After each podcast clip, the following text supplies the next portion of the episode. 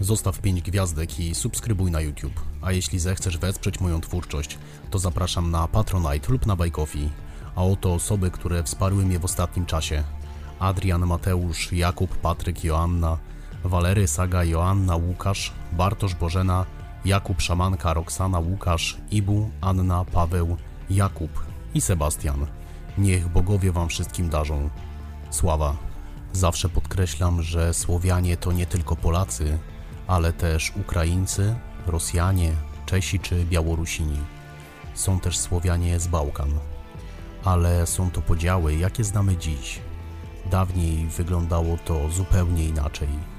Państwa, które znamy dziś, w większości jeszcze nie istniały, a na pewno nie w formie, jaką spotykamy na co dzień.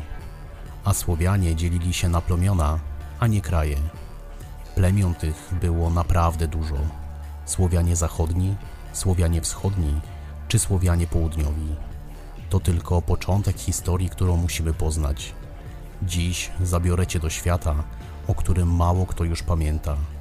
Do świata, w którym wyznawało się starych bogów. Do świata, gdzie demony spędzały sen z powiek. Do świata, gdzie ludzie żyli w zgodzie z naturą. Ale też do świata, gdzie właśnie między plemionami były normą. Raz przyjaźń, a raz walka. Raz miłość, a raz nienawiść. Bo troszkę tak z nami Słowianami jest. Kiedy jest spokojnie wokół, to my między sobą walczymy. Ale jeśli kto zajdzie nam za skórę, jednoczymy się i wtedy to nie ma siły na świecie, która nas powstrzyma. Dziś chcę zabrać Cię do plemiona drzewian. Plemienia, które bardzo długo utrzymywało swą naturę. Ale nim zaczniemy, cześć. Ja nazywam się Artur i chciałbym Ci przekazać choć ułamek wiedzy, o której nie posłuchasz w szkole. Może zacznijmy od początku. Nazwa plemienia pochodzi od słowa drewo, czyli drzewo. Zamieszkiwali oni ziemię, które dziś należą do Niemiec. A mówimy tu o puszczach na zachodnim brzegu Dolnej Łaby. Ziemie, na których mieszkali, były raczej niezbyt urodzajne. Większość były to lasy bądź bagna. Drzewianie nigdy nie zasiedlili tych terenów całkowicie. Wokół nich często mieszkali grupy Germanów. Słowianie jednak skutecznie izolowali się od nich, co sprawiało, że długo utrzymywali swój język i kulturę. Zdarzało się, że izolacja sięgała tak daleko, że poszczególne wsie między sobą rzadko kiedy utrzymywały kontakt. A to sprawiało, że każda wieś mogła mówić trochę innym dialektem. Niesamowite, prawda?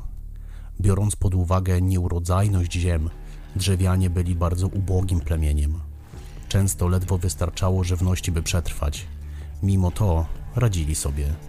Zajmowali się uprawą lnu, bartnictwem i ciesielstwem. Poza tym hodowali trzodę.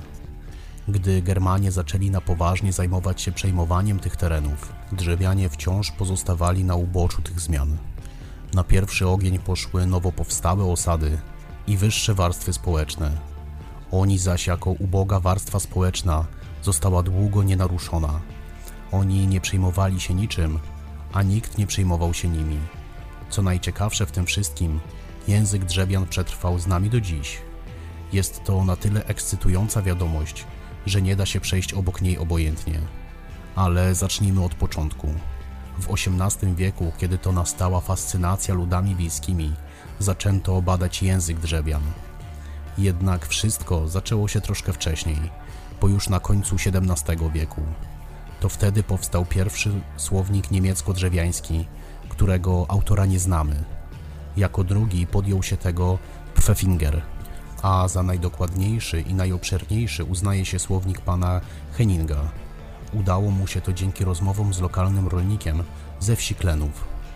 Powstała też kronika opisująca ostatnie dzieje plemienia drzewian, a napisał ją Parum, rolnik drzewiański, a właściwie Johann Parum Schulze. Schulze oznacza sołtys, a przydomek ten Johann odziedziczył po swoim ojcu. Pan Parum w swoim dziele zauważa, że jeśli umrze on i trzy inne osoby, mało kto już będzie wiedział, jak po drzewiańsku mówi się słowo pies. A to oznacza, że drzewiańskim posługiwało się bardzo niewiele osób do 1750 roku. Gdzie niegdzie przeczytać można, że młodzież drzewiańska i germańska Wyśmiewała się z osób starszych, potrafiących jeszcze mówić w rodzimym języku, co oznacza, że germanizacja przebiegała już coraz szybciej na tych terenach. I tak właśnie wyglądała kultura drzewian, która zakorzeniła się na tyle głęboko w ludziach, że przez całe wieki krążyła w ich żyłach, opierając się naciskom silniejszych. Do dziś przetrwała też jedna pieśń w tym języku. Jeśli ktoś jest ciekaw, to dość łatwo ją znaleźć. Ja nie będę jej przytaczał ze względu na trudności fonetyczne i z szacunku do ich kultury. Nie chcę, aby wasz wzgląd na ten język był kierowany moją wymową. Dlatego, jeśliś ciekaw, na pewno znajdziesz oryginalny zapis. A tymczasem, gdy przysiądziesz przy ognisku, spójrz w ogień. Poczuj powiew wiatru i zapach mocnego alkoholu. Wyobraź sobie, jak pięknie byłoby dołączyć do naszych przodków i zaśpiewać z nimi choć raz jedną pieśń. I pamiętaj, nie daj z siebie wyprzeć swej kultury, tak jak robili to drzewianie, opierając się wiekami germanizacji. Sława